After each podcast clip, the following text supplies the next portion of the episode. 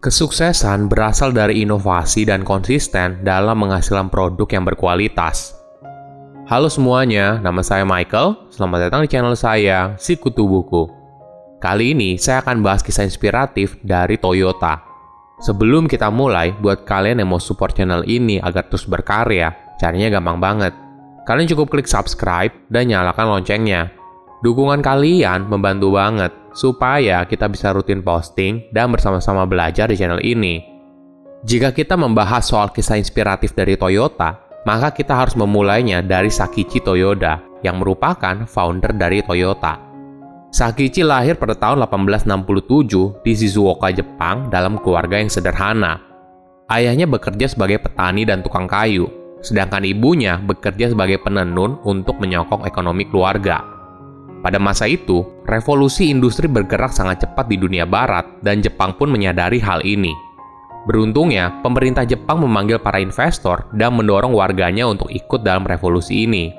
Pada saat itu, usianya baru 20 tahun. Sakichi sangat terinspirasi dari buku pengembangan diri, di mana dia membaca tentang seorang penemu yang berhasil menemukan mesin tekstil bermotor. Pada suatu hari, Sakichi pulang ke rumah setelah bekerja untuk bisnis pertukangan ayahnya, dan kemudian dia mengamati bahwa ibunya bekerja sangat keras untuk menenun pakaian. Peristiwa ini menginspirasi Sakichi untuk membuat mesin tenun otomatis. Dia pun sadar penemuannya pasti akan membantu hidup ibunya menjadi lebih mudah. Namun ayahnya menentang idenya, tetapi Sakichi tetap bertahan dan mengabdikan seluruh waktu dan perhatiannya untuk mewujudkan mimpi dalam membangun mesin tenun. Pada tahun 1981, Sakichi berhasil mendapatkan hak paten pertamanya untuk alat tenun listrik Toyota. Alat tenun yang dioperasikan secara manual dan terbuat dari kayu. Ini adalah alat tenun pertama di Jepang dan dijalankan dengan satu motor oli tenaga kuda dan mesin ini sangat handal. Kerja keras dan dedikasinya pun terbayarkan. Sakichi lalu menarik perhatian para investor penting dan pada tahun 1906 dia mendirikan perusahaan alat tenun Toyota Perusahaan ini dimulai sebagai usaha patungan dan mulai menghasilkan keuntungan dalam waktu singkat. Sakichi lalu bekerja tanpa henti untuk meningkatkan alat tenun yang dioperasikan secara manual, dan setelah jangka waktu tiga tahun, dia menemukan penemuan baru, yaitu alat tenun otomatis. Menariknya lagi, ini merupakan alat tenun otomatis pertama di Jepang. Sayangnya, kesuksesan tersebut tidak bertahan lama. Pada tahun 1910, Jepang mengalami resesi ekonomi, bisnis Sakichi sangat terdampak oleh resesi dan kehilangan hampir seluruh aset yang dia miliki, termasuk pabrik, karyawan yang bekerja di perusahaannya, dan bahkan hak patennya. Semua perubahan ini memaksa Sakichi harus keluar dari perusahaan miliknya sendiri. Dia pun memutuskan untuk pergi ke Eropa dan Amerika Serikat untuk mencari inspirasi. Di sana, Sakichi kagum atas perkembangan yang sangat cepat berkat revolusi industri, terutama pada kendaraan bermotor. Perjalanan ini memberikan inspirasi bagi Sakichi untuk memulai perjalanan bisnis berikutnya. Sakichi lalu kembali ke Jepang dan pada tahun 1918 untuk mendirikan alat tenun otomatis bernama Toyota Spinning and Weaving. Tidak lama kemudian, dia menjual bisnisnya dan mendapatkan dana sebesar 1 juta yen. Dana segar ini lalu Sakichi gunakan untuk mewujudkan mimpinya, yaitu bisnis kendaraan bermotor. Dia memberikan uang tersebut kepada anaknya untuk melakukan riset dan mengembangkan industri kendaraan bermotor di Jepang. Awalnya, anak Sakichi yang bernama Kichiro tidak begitu yakin. Tapi dia baru percaya diri setelah dia pulang dari Amerika Serikat dan melihat langsung perkembangan industri otomotif di sana. Keluarga Toyota pun lalu kembali ke Jepang pada tahun 1930 dan merintis usaha otomotif. Di waktu tersebut, pemerintah Jepang juga memberikan insentif bagi pengusaha yang ingin mengembangkan bisnis otomotif. Namun sayangnya, Sakichi meninggal pada tahun 1930 dan Kichiro menjadi sangat bersemangat untuk mewujudkan mimpi ayahnya. Bahkan, dia menciptakan laboratorium penelitian agar industri otomotif di Jepang tidak lagi bergantung pada teknologi di barat. Tidak main-main, Kichiro berani berinvestasi sangat besar, yaitu 9 miliar dolar untuk riset dan pengembangan. Hingga akhirnya, mimpi Kichiro terwujud dengan meluncurkan mobil pertamanya pada tahun 1935 bernama Toyota AA dan sukses berat. Apakah kamu tahu sejarah di balik nama Toyota? Pada tahun 1936, mobil yang diproduksi oleh Kichiro diberi nama Toyota berdasarkan nama keluarga pendirinya.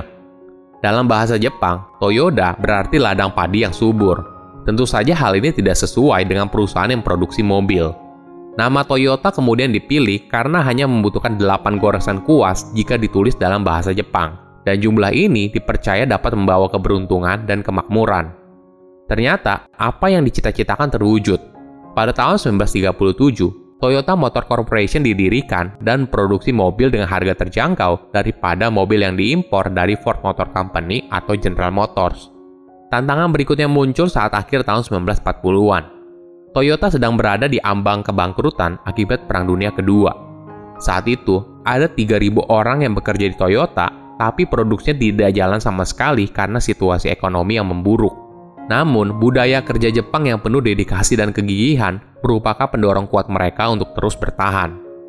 Ketika ekonomi Jepang mulai pulih, ada ketakutan kalau produsen mobil dari Amerika Serikat dan Eropa mampu mendominasi pasar otomotif di Jepang karena teknologi mereka yang lebih maju.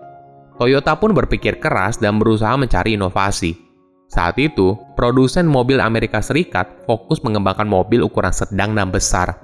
Toyota lalu mengambil keputusan untuk mengembangkan mobil dengan ukuran kecil dan ternyata keputusan ini tepat. Pada tahun 1950-an, beberapa manajer di Toyota menyadari kalau pekerja Amerika 9 kali lebih produktif daripada pekerja Jepang. Setelah dianalisa, hal ini bukan karena karyawannya, tapi karena sistem dan proses yang perlu diperbaiki. Inilah konsep yang nantinya dikenal sebagai Toyota Productive System atau disingkat menjadi TPS. Sistem manufaktur ini mampu membuat Toyota memproduksi mobil kualitas baik dengan harga yang terjangkau. TPS membuat karyawan untuk berinovasi terus-menerus dalam menciptakan mobil dengan kualitas yang lebih baik. Jadi, mereka selalu memastikan setiap masalah harus bisa diidentifikasikan dengan baik karena masalah yang terpendam biasanya akan menjadi ancaman serius di masa depan. Jika sebuah masalah sudah diidentifikasikan, maka bahkan orang yang tidak tahu soal masalah itu sebelumnya, mereka akan berusaha untuk mencari solusi dari masalah tersebut. Contohnya seperti ini. Ketika karyawan Toyota di pabrik menemukan sebuah masalah, maka dia punya kebebasan untuk menarik kabel andon dengan segera. Sebagai informasi, andon adalah istilah dalam bahasa Jepang yang berarti cahaya atau lampu dan sistem ini pertama kali digunakan di pabrik Toyota. Andon merupakan sistem peringatan visual dan suara yang dipasang di pabrik untuk menandakan adanya masalah dalam rantai produksi. Sehingga, apabila kabel Andon ditarik, maka produksi dihentikan dan harus memastikan masalah telah selesai dulu sebelum produksinya dimulai kembali. Bukan hanya soal inovasi terus-menerus, rahasia sukses lainnya terletak pada prioritas Toyota dalam menjaga kualitas produknya dengan konsisten. Hal ini menjadi sangat penting bagi Toyota untuk selalu menghasilkan kendaraan dengan kualitas terbaik setiap saat. Maklum saja, produk yang dibuat sangat erat kaitannya dengan keselamatan manusia. Jadi boleh dibilang, diharapkan 100% tidak ada cacat produksi. Ini adalah kultur yang dibangun di dalam Toyota dan menjadikannya sebagai produsen mobil nomor satu di Jepang pada tahun 1950-an. Selain itu, dia juga siap untuk menjadi perusahaan kelas dunia di tahun ini juga, Toyota berhasil mengekspor mobilnya ke berbagai belahan dunia, seperti Amerika Serikat, Brazil, Saudi Arabia, Taiwan, Thailand, dan Australia. Hingga sekarang, boleh dibilang Toyota merupakan salah satu produsen otomotif terbesar yang ada di dunia. Budaya perusahaan yang kuat mampu mentransformasi sebuah perusahaan biasa menjadi perusahaan kelas dunia. Ini adalah salah satu keunggulan kompetitif dan menjadi pembeda dengan kompetitor. Silahkan komen di kolom komentar pelajaran apa yang kalian dapat ketika tahu informasi ini. Selain itu, komen juga mau tahu informasi apa lagi yang saya review di video berikutnya. Saya undur diri, jangan lupa subscribe channel YouTube Sikutu Buku. Bye bye.